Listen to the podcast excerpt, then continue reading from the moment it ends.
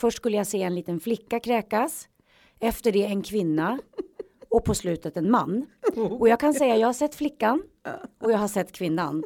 Mannen gick inte. Vadå? Nej men alltså då, det var så, då blir det så stort och så högt och så mycket och så. Så det, det var, men där satt jag förstår du, uppkrupen i min mans knä och tittade på filmer och grinade. Stackars Jocke. Ja! Ta steget. Att kasta loss. Att våga satsa och tro på dig själv. Hur gör du det egentligen? Hur balanserar du karriär, hälsa och entreprenörskap med livet i stort? Naket och personligt delar Frick och Renemar med sig av erfarenheter, tankar och reflektioner om livets beståndsdelar. Välkomna till en podd med Frick och Renemar. Sådär! Välkommen till Frick och Renemar. Jag heter Sofia Renemar. Och jag heter Bodil Frick. Härligt! Ja. Vad är det här Bodil? Är det avsnitt fem? Är det? Ja, är det det? Fyra? Fem? Nej, det är fem. Det är fem. Det är fem. Ja. Mm. Avsnitt fem, det känns ju superhäftigt. Ja. Tänk när vi sitter här med avsnitt 205. Mm. Nu tickar det på också, nu går det rätt fort. Vi kör ju varje vecka nu. Förut körde vi varannan vecka. Ja. Sen fick vi ett litet avbrott för vi fick för mycket att göra. Både Ja. du och jag med ditt företag och jag med mina projekt och mitt företag. Ja. Men eh, nu är vi igång igen. Nu är vi, är vi igång igen, Ja. precis. Och då är det ju bara att hålla i. Sen kommer det säkert komma per perioder, precis som det alltid gör, där man får mindre tid Ja. och eh, där man kanske måste göra vissa beslut Mm. för en kortare tid Ja. och så vidare. Kul! Mm. Men vi sitter ju här nu igen på, i studion på Hero Ja. Hub Uppsala Ja. eh, och spelar in här i den här lilla men väldigt bra, braiga studion, så får vi väl säga. ja, exakt. Och det vi tänkte, Bodil och jag, när, när vi sitter och går igenom de här podd, poddavsnitten så är det faktiskt så här att vi är, eh, vi är förberedda på ett sätt, för vi vet ungefär vad vi ska prata om. Men om jag ställer frågor till Bodil, som jag kommer göra idag, och hon ställer frågor till mig, så är de alltså inte inövade på något sätt. Utan, och anledningen att vi gör så är för att det ska bli mer genuint Mm. och autentiskt. Ja. Därför att man har inte svaren på alla frågor. Nej. Eh, så. Ja, ja, men exakt. Och det här är utifrån dig och mig och våra erfarenheter, vad vi känner, vad vi tycker. Och det har ingenting med fakta att göra. Ingenting. Som, Ingenting. Nej, precis.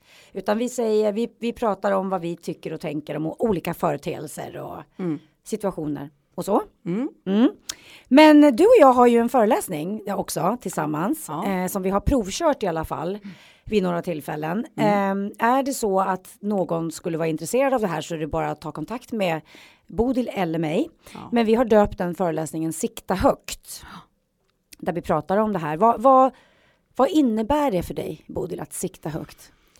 Eh, sikta högt. Eh, för mig, ja, eh, ja. ehm, nu vet ju inte jag vad det är för ämnen som du eh, plockar fram helt enkelt. Det här är ju lite nytt för mig så jag måste tänka till Ja, gör det! Tänk till! Ja, precis som det var för dig förra gången. Ja, men jag, jag, jag tänkte så här när jag, när jag tar de här orden sikta högt. Undrar varför, varför säger man sikta? Varför säger man sikta mot? Jo, men man tar ju ett sikte på någonting man vill göra, som man Ja. vill uppnå. Mm. Eh, och eh, om man tänker med tävling och eh, träning för min del, i och Mm. med att jag har hållit på med det så länge. Eh, mitt sikte var ju att bli världsmästare i thaiboxning. Eh, Mm. Jag nådde ju inte riktigt dit, men eh, jag tror att för mig är det att försöka och tävla eller sikta mot de bästa, för då, då har man ett sikte Mm. vart man vill vara, vart man vill hamna. Och sen får man ju se, sen kommer ju livet emellan och det händer saker och ting. Men, men för mig är det nog att eh, sikta högt, så högt man eh, bara kan. Mm. Och det kan vara, nu håller jag på med företag och entreprenörskap och, eh, och ja, Nu, är, nu är det Ja, det du siktar. nu är det det jag siktar eh, Mm. högt på. För jag tänker bara själva ordet att sikta mot, det indikerar ju på något sätt att man faktiskt siktar mot någonting, ungefär som att man siktar med en pil. Ja. Eh, Man står med en pilbåge och så Ja, siktar man, man vill mot någonting. prestera. Ja. Och, ja.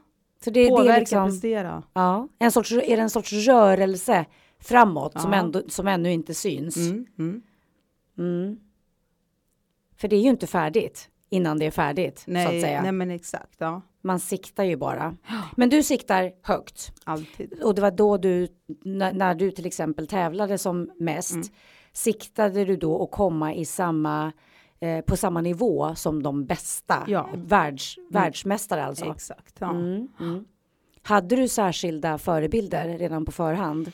Namn? Eh, jo, men det hade jag ju. Ehm, men det var ja, en som heter Ilonka ehm, i thaiboxning. Mhm. Eh, och sen även Ramon Decker. Nu har inte du någon koll på Nej, eh, nej. tävlanden. Men, men eh, thaiboxning och ehm, ehm, ja, de som tävlar i, Mm. på elitnivå var, var världsmästare. Val, valde du dem för deras individuella resultat eller för att de stod för någonting häftigt? Eh, Eh, både och. Både och. Ja, både och. Mm. Mm. Och alla de här kvinnorna som du har räknat upp nu, är de... Eh, eh, Jag räknar upp en kvinna och en man nu. jaha, okej, en kvinna. Okej, låt oss se. Vem är kvinnan? Ilonka. Ilonka. ja. Mm. Vad gör hon rent eh, annars när hon inte... Ja, nu, nu har hon dragit sig tillbaka, hon har barn Ja. och eh, jag vet inte riktigt vad hon gör nu. Men annars så Nej. tävlar hon ju och tränar på elitnivå Mm. i många år och eh, tror att de var världsmästare sju gånger om tror jag. Mm. I 51 kilo. Då. Wow, Mm. 51 kilo. Ja, Så det är sån här hon- en lättviktare. i våran ja, size, exakt. det är Ja. din och min. Stora. Jag tävlar i 48, Stora, ja. långa kvinnor. Ja, men, precis. Ja. Men, men det, är ju, det är ju superhäftigt. Så hon stod, på något sätt så inspirerade hon dig i alla fall. Ja, ja, absolut. Mm. För jag, jag tänker att det är rätt in, intressant vilka vi väljer att inspireras av. För jag tror att om man ska sikta högt och nå ett uppsatt mål eller vad det nu kan vara för någonting så behöver man också eh, människor att inspireras av Mm. för att göra det och då väljer vi ju utifrån oss själva och det som vi tycker Ja. att eh, men det är väl jätte varför ska man det är väl bättre att tänka högt som du gjorde där Mm. redan från början Ja, för du hade ju kunnat tänkt så att nej, men jag kanske det kanske är bra att jämföra sig med li, lite lägre Mm. därför att då skulle du kanske kunna sagt att det är mera realistiskt. ja. Nej, jag tror på att sikta högt. För då Mm. når man Mm. når man så mycket mera och försöka och ja men eh, kolla på eh, de som har uppnått det du vill uppnå. Just det. Hur de gör, Mm. vad de gör, hur Mm. mycket det krävs och kan du eh, göra det? Just det. För det handlar ju om energi och tid och allt runt omkring och hur mycket vill du satsa? Mm. Du själv då?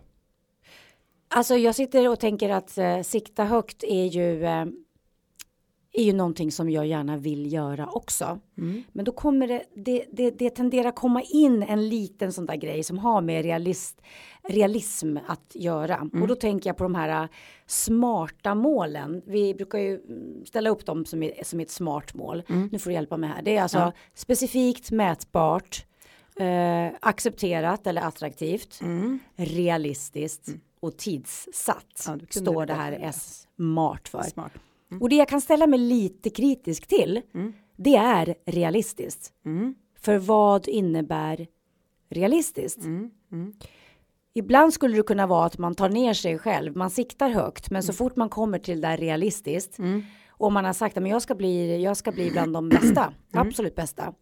När man kommer fram till det där ordet realistiskt, då kanske det blir så att man tänker att ja, fast då börjar den där lilla rösten. Ja. Är det här realistiskt verkligen? Eller är jag uppe i molnen och fladdrar nu? Ska jag inte gå ner en, Mm. Mm. eh, ett snäpp?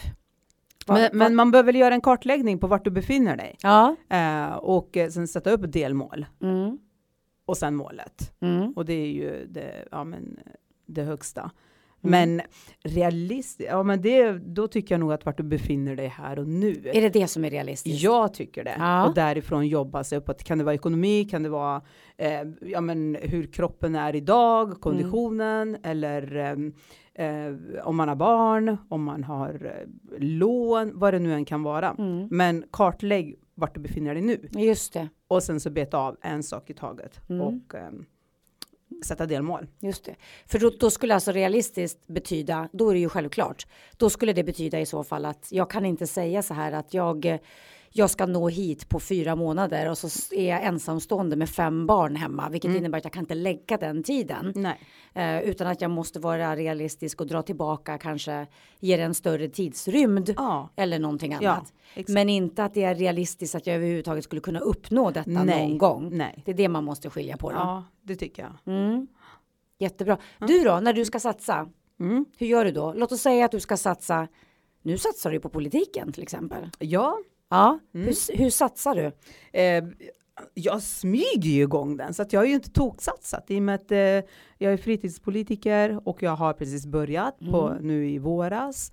Eh, för mig är det ju eh, dels utbildning och det, jag har mycket att lära Mm. eh, och eh, eller lära mig om olika områden. Men eh, de områden jag är bra på är ju träning och idrott och Mm. välmående och hälsa och eh, har jobbat med det i 13 år nu. Mm. Eh, ja, och ehm, ehm, ja, och det är ju det jag kan Ja. och det är det jag vill förändra i politiken, tänker jag. Och Mm. även jämställdhetsfrågor som jag och, Mm. ja, drivit i många år också.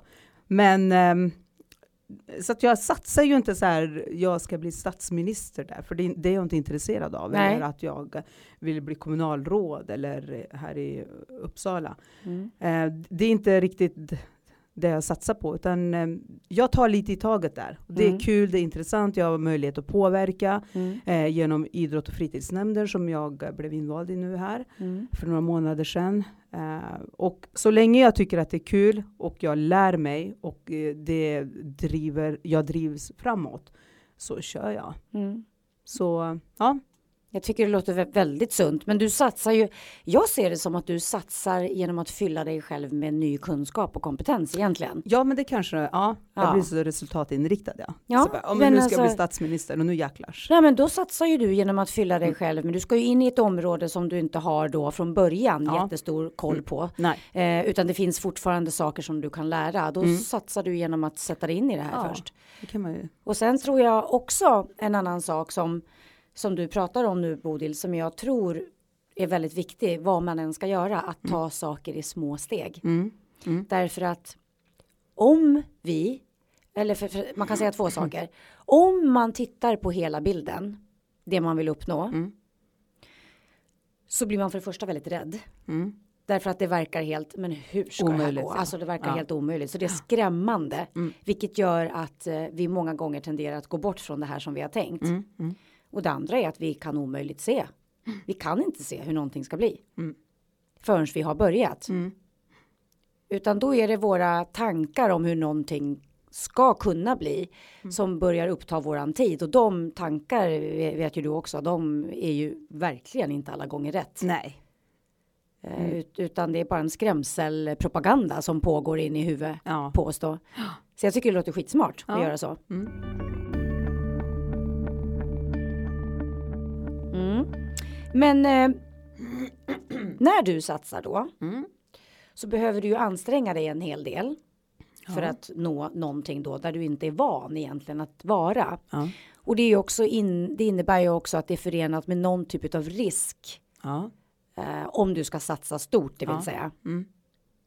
Jag tror nämligen inte att det går att eh, satsa stort utan att ta någon risk. Mm. Men det är min personliga uppfattning. För jag tror att då, då safear vi för mycket så då betyder det inte så mycket. Så då har vi inte samma drivkraft framåt Nej. heller. Nej.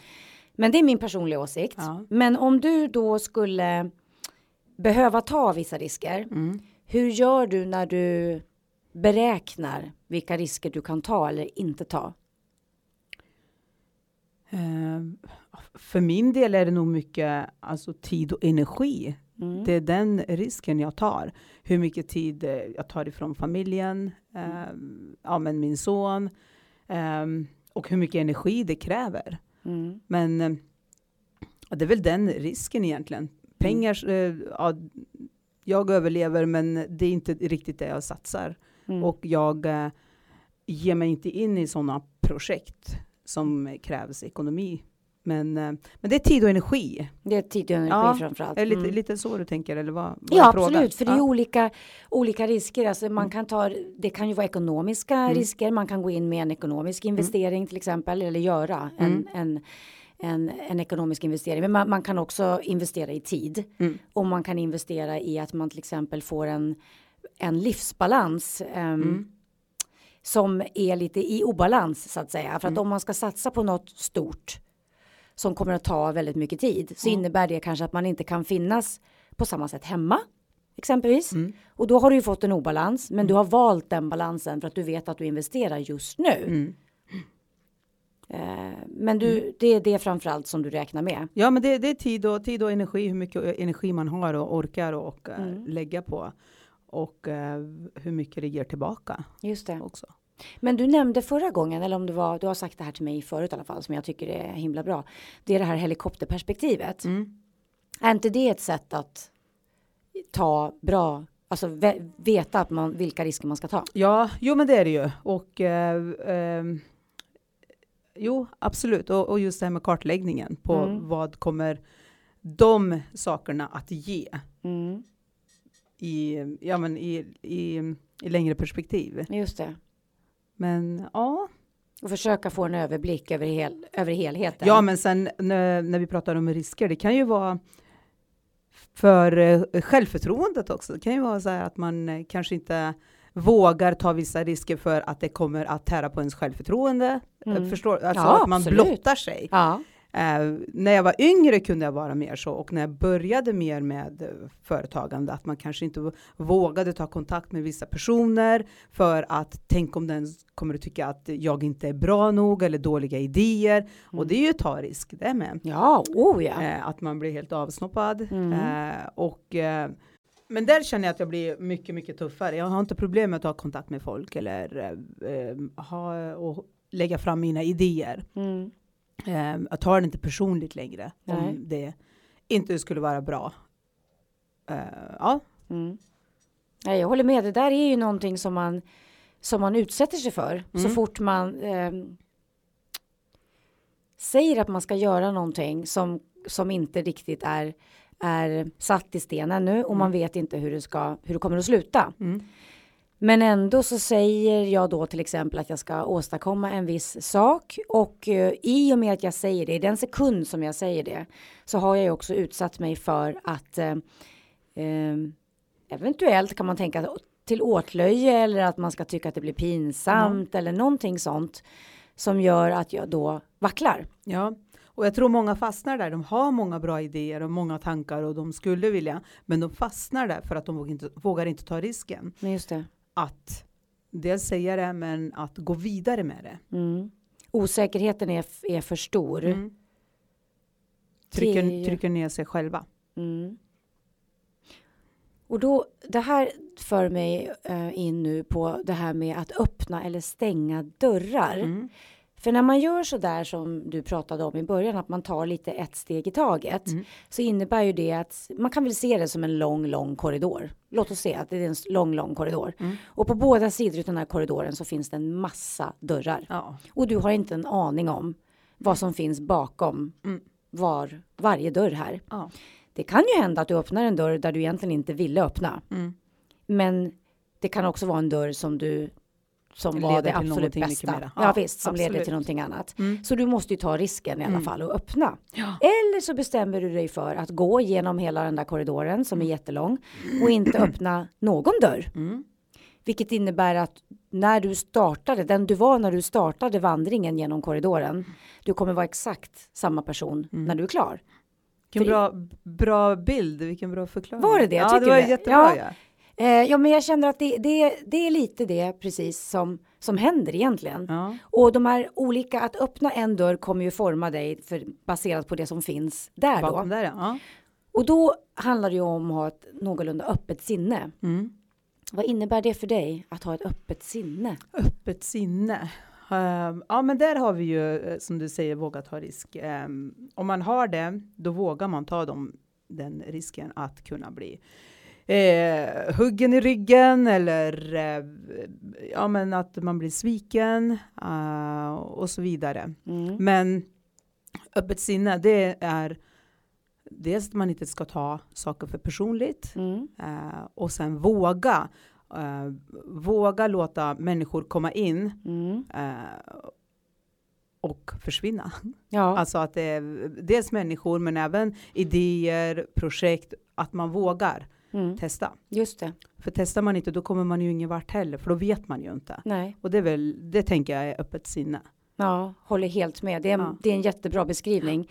Just det här, det är någonting som jag har tänkt på under Och inte här... ha så mycket förutfattade meningar. Nej, det är det. Och sen Precis. bara, jag har jättemånga människor som kontaktar mig idag eh, som har olika idéer. De vill eh, kanske jobba tillsammans med mig eller ha med mig på projekt. Och där har jag ju jätteöppet sinne. Jag träffar alla, Mm. alla, alla bara för att kolla och se vart befinner de sig. Är det på ruta ett eller är de på tio?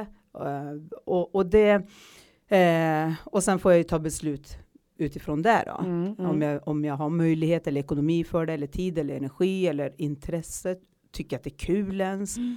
Eh, går det hand i hand med det jag gör eller mitt varumärke. Eh, och så vidare. Men, men där har jag ett jätteöppet sinne. Mm. Ja. Skräms du av det som verkar olikt dig själv? Nej, nej, nej. Absolut inte. Nej. Det är, det är bara bra, Mm. tycker jag. Man kompletterar upp varandra. Mm. Men eh, för olikt får det ju inte vara heller. För Nej. det kanske inte går att kommunicera eller ko- kommunikationen Mm. kanske inte funkar. Men nummer ett är ju den delen, att man har den grunden. Exakt, och det vet du ju inte i början. Det vet man inte. Det har Då du inte måste en man våga om. prova Ja, och ta risk. just det. Mm. För det, det är eh, någonting som jag har tänkt på mycket. Det är verkligen alla de där gångerna som jag har träffat eh, träffat en människa eller stått inför en Mm. situation Mm. då jag har känt att jag känner inte igen det här Mm. eh, och jag vet inte om det här är så bra egentligen. Mm. Men eh, jag tänker ha ett öppet sinne nu. Jag tänker gå in i det här, alltså och kolla vad det är Mm. med ett öppet sinne. Eh, och de gångerna som jag har gjort det har nästan alltid lett mig till någonting annat. Eller samma som var bra eller någonting annat. Mm. Mm. Just för att jag vågade tänka att okej, det verk, kanske verkar lite märkligt, men det verkar bara märkligt därför att det är olikt mig. Ja, Och bara för något är olikt mig själv så betyder inte det att det är rätt. nej. Utan det kan betyda att jag kommer att lära mig hur mycket som helst. Mm. Som jag inte visste. Så jag tror också att det är jätteviktigt att ha ett öppet sinne. Ja. Speciellt om man håller på med företagande och entreprenörskap och att man vill komma framåt så behöver man ha ett öppet sinne. Ja. Mm. Jag tror dessutom att världen skulle bli en bättre plats ifall Det fler människor hade ett öppet sinne. Ja, ja, ja.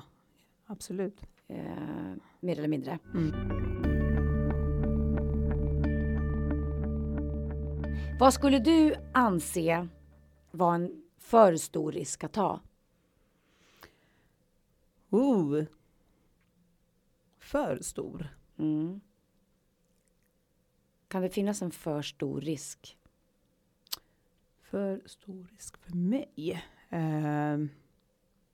oj, det får jag nog bolla över till dig tror jag. Ja, Det var en... ja, jag tänker så här. Jag tänker någonting som skulle inverka negativt på min familj. Mm. Då är det en för stor risk. Mm. Men det är i stort sett där jag befinner mig. Mm. Ehm, allting som skulle kunna innebära att det här kommer inte bli bra för min familj på något sätt. Mm. Det kommer ta för mycket av någonting. Det behöver inte vara tid, men det kan vara någon, nå- någonting annat. Ja. Något som jag känner är inte bra. Mm. Det skulle vara en för stor ri- ri- risk om det skulle Ja. vara förenat med någonting sånt. Eh, och- alltså om det skulle äventyra Mm. min familj på något sätt. Mm. Och hälsa då kanske då. Ja, och hälsa. Mm. Ja. Så skulle jag nog säga. Jag är ju lite dålig på det där. Jag känner ju inte av när det gäller hälsa. Ja. Jag kan ju köra på rätt långt eh, tills det är för sent. ja. Ehm, så att den eh, risken känner jag inte av förrän det är för sent. Berätta, hur, hur, hur tänker du då? Ge ett exempel. Hur, hur kan det se ut? Ja, men eh, ja, men till exempel när jag skulle gå en match om EM-titel-fight Mm. och då blev jag väldigt sjuk, jättesjuk, så läkarna sa att jag eh, Mm. eh, borde, jag ska inte gå. Alla andra runt omkring mig och eh, min eh, tränare, alla sa att jag inte skulle gå eh, matchen och jag eh, eh, hade ju bestämt mig, jag hade ju satt det målet och, eh, och då har jag svårt att backa för Mm. att eh, jag ska gå den här matchen. Mm. Och jag gjorde det och det gick inget bra. Och, eh, och det är det jag menar att eh, hade det varit idag Ja. så hade jag absolut aldrig gjort det. Nej. Eh, för att det, det är en för stor risk för hälsan och det var det ju då. Och eh, eh, ja, men man är ju inte perfekt. Nej, är du inte? Ja, jag är lite, lite knäpp där. Men du skulle ha tänkt annorlunda idag? Ja, det skulle jag. Jag är lite Mm. klokare, lite, lite äldre och ehm, ja, nej, det hade jag inte gjort idag. Mm. Sen tror jag också, vi var inne på det förra gången, det här med vad, vad innebär det att riskera hälsan? Ibland eh, kan det ju kanske vara att det är nyttigt att tänka att äh, någon gång ibland. Det beror på hur fast man är i sina Ja. tankar om vad som, för det går ju också tillbaka till det man tycker är otäckt. Ja. För det här är nog inte bra för min hälsa, för att det, det, det är för obekant. Mm, mm. Så att då tror man att man kan utsätta sig för någonting som inte, eftersom man inte känner till det. Ja. Och då kan det ju vara faktiskt bara positivt att göra det ändå. Mm, mm. Sen har ju alla olika gränser där. En Ja. del har ju tills, eh, ja men man ger inte upp förrän man dör typ. Nej, Och en del känner av kanske att man har lite, lite ont i lillfingret så eh, ställer man in. Så att det finns olika, ja, olika gränser för olika människor. ja och, och i olika faser av livet, eller Ja. hur? Man är där själv också i olika faser av livet. Ja. Men det här med att vara sårbar då och naken. Mm. När, eh, vad är du rädd för? Finns det nå- någonting speciellt som du är rädd för? Ja, men där må, eh, måste jag nog nästan säga familjen. Mm, Eh, att det ska hända någonting, mm, familjemedlem. Eh, för då är jag ju totalt. Skulle det hända min son någonting, Usch. då är, ja, men det, ja, då är jag ju helt mm, lost totalt. Mm. Ja. Mm. Är du rädd Vad för tänker att, Jag, jag tänker, nu tänker jag ställa en Mm. stor fråga till dig. Ja, det. Är du rädd för att dö? Eh, jag funderar inte så mycket på det. Jag har inte tänkt, tänkt igenom det där. Jag är inte rädd för att dö, men jag är rädd för att försvinna från min sons sida, Ja, om man säger så. just Och det. hur han ska klara sig utan mig och eh, hur det ska gå för honom, vem ska vägleda honom och, eh, Mm. tills han är vuxen. Det är nog det som jag är mest rädd för. Mm. Men jag själv känner inte att jag är rädd för att dö. Nej. Jag har inte kommit dit eller haft någon ångest för det. Mm.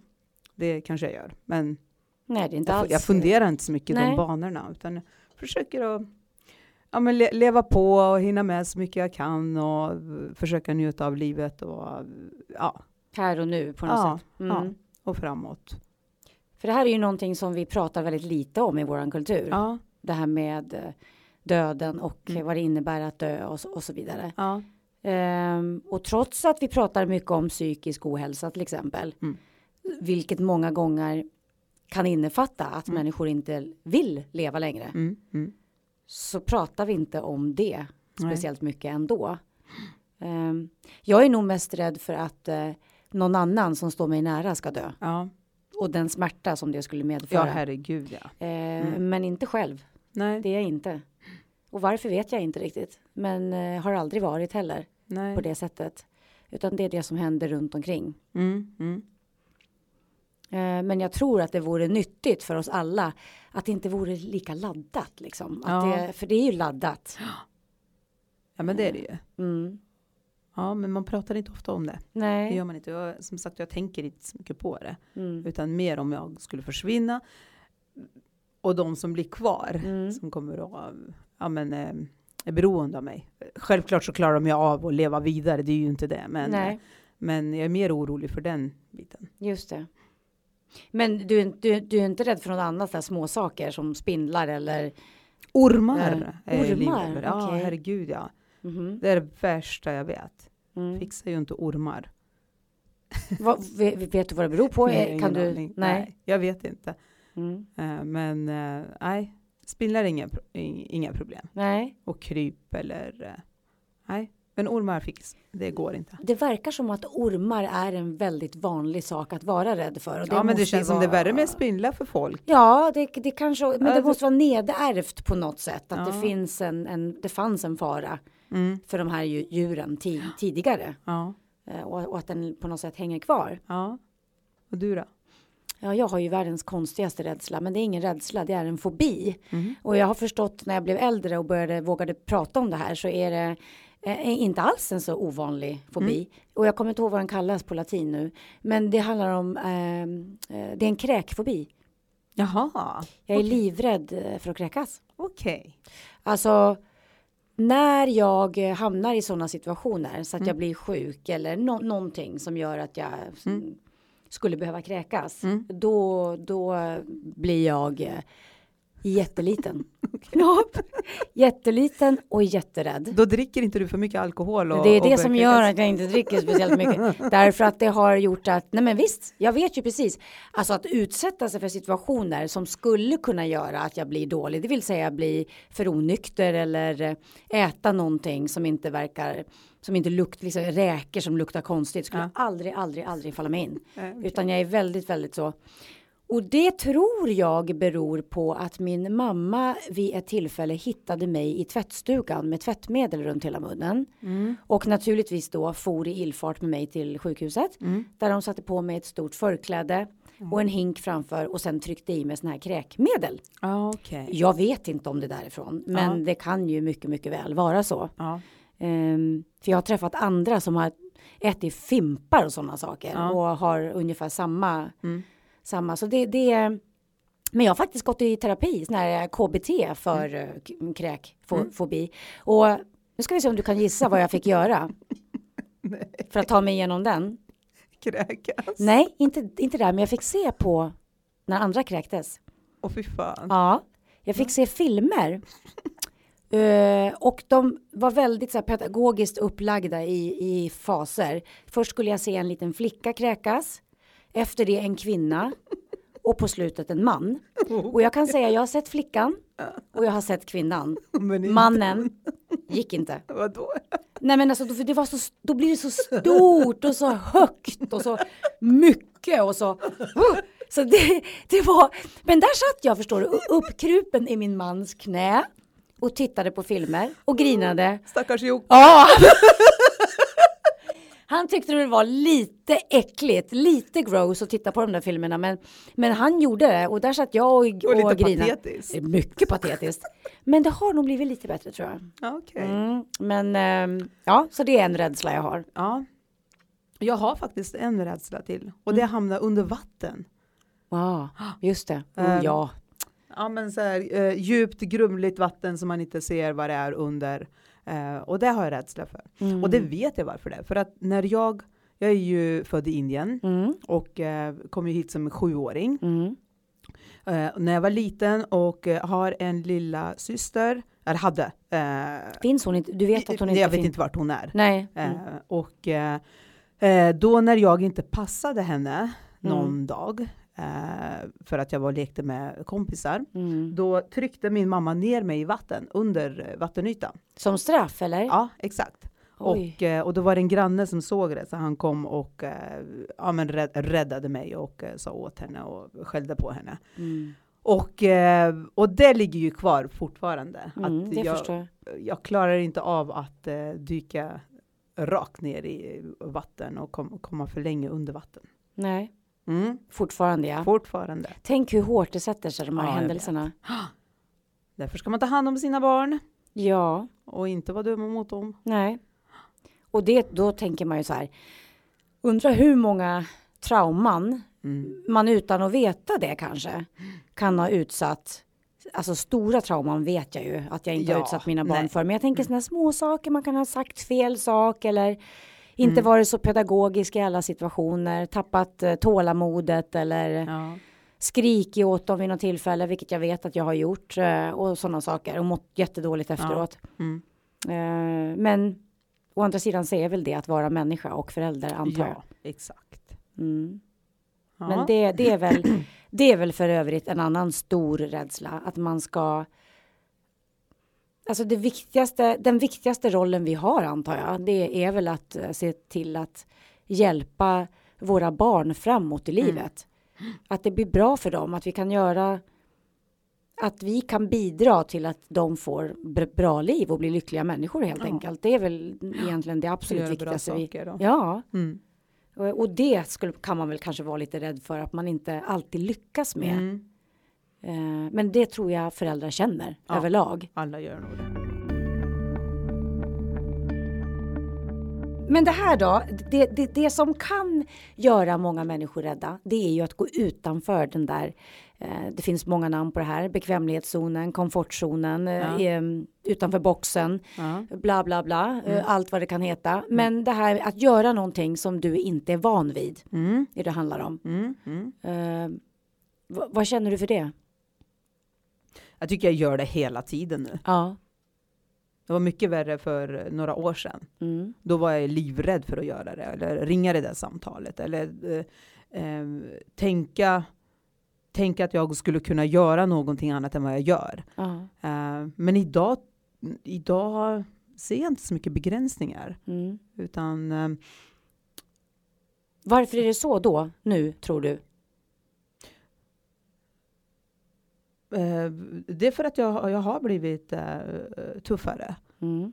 och har gjort det hela tiden. Mm, precis. Ja, Det är det att du har gjort det. ja, Mm. ja exakt. Mm. Så det blir en vana det också. Ja, En vana att gå utanför det som man eh, egentligen känner till är också en vana. mm. Eller så kan du etablera en vana som innebär att aldrig någonsin Göra. göra sånt som du inte riktigt känner till. Så Ja. det är båda två är ju vanor. Ja. Och om du går utanför det som du tycker är känt eller det som känns bekvämt för dig hela Mm. tiden så blir ju det någonting som du gör hela tiden. Så Ja. det blir inga, jaha. Nu låter det som att jag är jättemodig, men, men det är jag ju absolut inte heller. Utan, men, men, men jag ser inte så mycket, jag har inte de gränserna idag. Nej. Utan nu, nu gör jag det jag vill göra och jag har planer och jag har delmål. Och, Mm. ehm, och nu är det bara att ha tålamod, vänta och se om det funkar. Men jag känner inte att jag går jag känner inte de där gränserna, att jag går utanför någonting. Nej, utan, precis. Ja, Nej, och det, Mm. precis. Och det tror jag är för att du, du helt enkelt gör det. ja. Så att det är ingenting som du tänker att eh, som du tänker så mycket på. Nej, inte nu. Mm. Det här med att veta vad man ska göra alla gånger och man, man jobbar och jobbar och jobbar och sliter Mm. för att det ska bli, för att man ska nå någonting. Ja. Eh, och sen förr eller senare, Mm. som du sa nyss, Mm. så handlar det om att bara släppa taget. ja. När släpper du taget kring någonting som du har jobbat stenhårt med för att bara vänta på att det ska komma? Ehm, ja. ehm. den var ju svår den där Visst frågan. ja. Det kanske inte finns en viss tidpunkt utan det kanske bara är när jag tänker så här. Den här det här är ju så svårt att upptäcka. Det här, Ja. Jag brukar göra så att jag ser inte det här själv. Jag ser aldrig det själv. Nej. Utan det är därför man behöver andra. Ja. Det är någon Det som kanske säger till mentorer mig. är bra då. Ja, det är någon som säger, fast nu har du ju hållit på med det här si Mm. och så. Släpp taget, låt det vara ett tag. Eh, åk, eh, på, åk iväg på en weekendresa, stick ut och spring, Mm. eh, lyssna på en podd, gör någonting bara, släpp det bara. Mm, mm, Eh, det måste jag många gånger höra från någon annan. ja. För när jag är inne i någonting, Mm. då är jag så inne så att eh, Man bara det kan, så, som bara. ett exempel, jag kan stå och lyssna på samma musik. Mm. Vi, vi, vi har ju sån här högtalare här uppe så att, eh, och då sätter jag på en skiva Mm. som är jättebra. Och efter ett tag så kan det komma vem som helst och säga eh, jag tror att musiken har, har eh, hakat upp sig. och jag hör alltså inte ens det. Nej. Eh, för att jag är så inne. Så jag behöver alltså utifrån Ja. att någon säger nu, nu är det dags att Mm. ta ett kliv tillbaka. Ja, ja, Mm. ja. Mm. Känner du igen det eller? Jo, men det gör jag absolut. Och det kan ju vara allt ifrån, som jag sa, mentor. Mm. Eh, och det kan vara vänner som Mm. säger det. Så bara, nu har du verkligen kört på, det räcker, ta det lugnt, Mm. släpp. Ja. Men det kan, men jag, ja, men jag, nej, jag kan inte säga att jag kanske ibland, jag kanske vill tro att jag är bra på det också. Ja, det är klart. Men, ehm, nah, det, ja, nej, jag vet inte. Det handlar Nej. om balans där med. Ibland så tycker jag att jag kör på, kör på och sen bara, ah, Bodil, backa nu, ta det lugnt Mm. och släpp det. Som du säger över en helg eller vad det, vad det nu kan vara. Mm. Ehm, men jag är rätt dålig på det med, så jag vet inte. Nej. Utan det är bara det, det, men det är för att du har, du har en fart i kroppen tror jag som bara är, det är en, det är en hög fart. Ja. Mm. Eh, och det är inte alltid jättebra. Jag har ju också en hög fart i kroppen och jag vet att ibland är det jättebra men ibland är det katastrof. Ja. Eh, jag behöver gå långsamt. Mm. Eh, behöver äta långsamt. Mm. Kan du gå in, kan du stå stilla i en rulltrappa Bodil? Ja, men det kan jag. Kan du? Ja, det kan jag. Mm. Mm, det kan inte jag. Ibland är jag ganska duktig på att chilla. Mm, Om jag får säga det själv. det är bra det.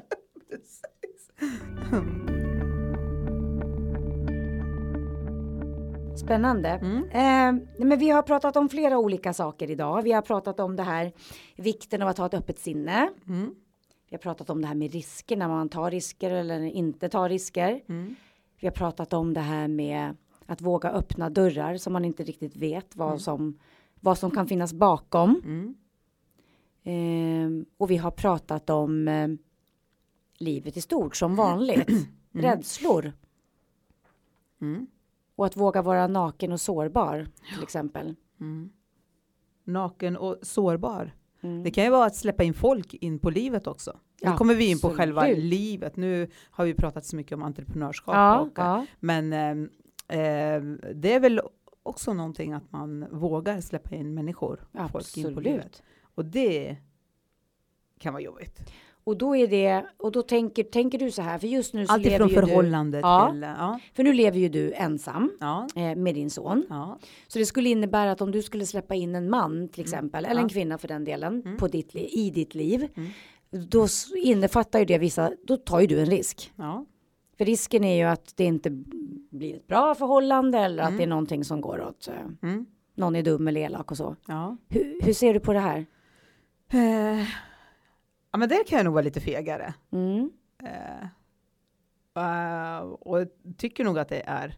Jag är väldigt försiktig och jag är inte fokuserad på att hitta någon människa och dela mitt liv med. Jag, tyck, jag, jag tycker att jag har det bra nu och Mm. mår bra. Och jag tror inte att jag är, är rädd för att gå in i ett förhållande, men jag är lite mer försiktig Mm. nu. Jag har ju varit i förhållande sedan hur länge? Sen jag var 18 år. Oj. Ja. Mm. 18, mm, ja. Och eh, långt förhållande på nio år tror jag. Sen träffade jag nästa eh, och långt förhållande. Och nu har jag varit själv i ungefär två år. Mm. Och eh, känns bra tycker jag. Mm. Det är skönt. Jag, jag är inte beredd att släppa in någon Nej. människa och kompromissa eller eh, som tar min tid och energi. Kan jag Mm. fortfarande tycka. Ja. Även om det ger mycket energi och hej och hå. Mm. Tjubbidubidu.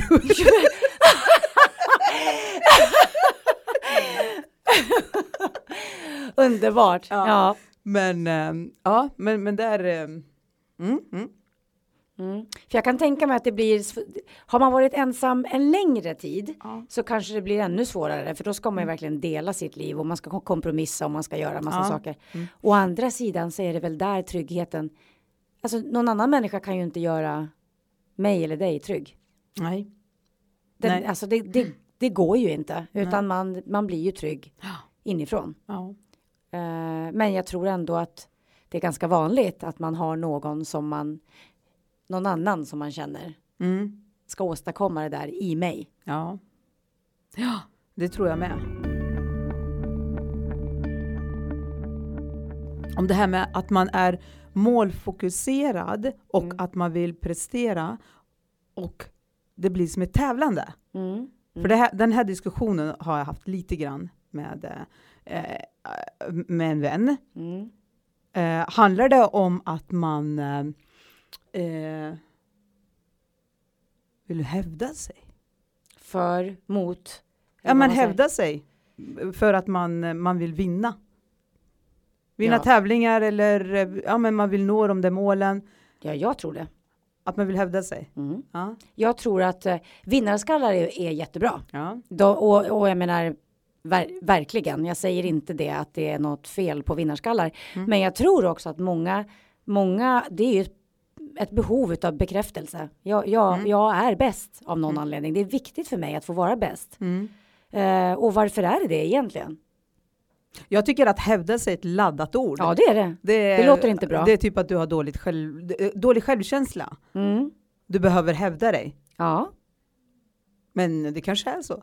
Ja, men alltså om man, om man tänker så här. Varför har, varför finns det ett behov av att vilja vara bäst? Vad är, vad är det för, vad, vad grundar Jag sig tycker det det är behovet på? kul, men jag tycker Ja. att det klingar dåligt med att hävda sig. Ja, o, själva ordet menar du, hävda Ah. sig? Ja. Mm. men, det, men det kanske går hand i hand. Eller? Jätte, För jag tycker jätte- att man behöver inte ha dålig självkänsla eh, för att man tycker att det är kul med tävlingar och försöka nej, vinna. Nej, gud nej. Men det är Nej. fortfarande att hävda sig. Mm. Men det kanske är min tolkning av att hävda sig att det är negativt. Det kanske inte är negativt. Nej, det behöver det inte vara. Nej, det är kanske jag som snöar Du in och måste tänker för hävda mycket. dig, man, man kan ju säga så här, du måste hävda dig i konkurrensen med andra, det vill säga du Mm. måste kunna mäta dig Ja. i konkurrensen med andra med Mm. ett visst, eh, i en viss Ja, det är nog bara situation. min... eh, Ja. Så jag skulle nog mera tro att, utan det handlar väl om att något, något sorts behov fyller det ju Mm. i, i att eh, vilja vara bäst. Mm. Och det är ju inget fel med det. Nej. Eh, men du är en vinnarskalle. Ja, Alla kategorier eller i alla sammanhang? ja, men eh, för det mesta. Ja. Ja, Mm. tyvärr. Är, det, är det tyvärr det då? Ja, men det tycker jag. Det kan ju bli lite larvigt och lite för mycket. Men Mm. jag tycker att det är himla kul. Och jag är lite där som Pippi. Mm. Att det där har jag aldrig testat förut. Så det där kan jag nog. Ja, Och jag kommer nog kunna vinna hela skiten. och så är det bara, och så kör man. så är det det. Ja. Ja. Det är Och, lite. och det, för, det skapar någonting i dig, det är en härlig känsla liksom. Ja, ja. När du, Jag går igång på en gång. ja. Du då, hur, hur Ja, jag är nog inte vinnarskalle på det sättet. Jag tycker om att eh, eh, naturligtvis tycker jag om att vinna saker, men det är ju inte det är inte det första, utan det första är nog att lyckas för mig själv, tror jag. Det är Mm. därför som jag tror att eh, Det kanske är därför jag har hållit på med idrott i hela mitt liv. ja, Sen jag var sju år. mm, Det- säkert. Ja, och där går det ju inte att säga. Ja, men jag gör för mig själv. Nej, och jag menar det Där är ska ju man ju vinna. Ja, och vad är, det för, vad, vad, vad är det för fel med att vinna? Nej, det är inget. Och, eller att vilja vinna. Eh, Men det är väl också lite svenskt att man kanske sticker ut lite, lite för mycket. Om Ja. man, ja, jag vet inte. Mm. Mm. Intressant. ja, eller hur? Mm. Ja. Men du, eh, mycket kul har vi pratat om den här gången också. Ja. Ja. Vi fortsätter nästa vecka, får vi se vad det blir. ja, Eh, hoppas ni hänger med oss då. Tack för idag. tack. Hej då Bodil. Hej då.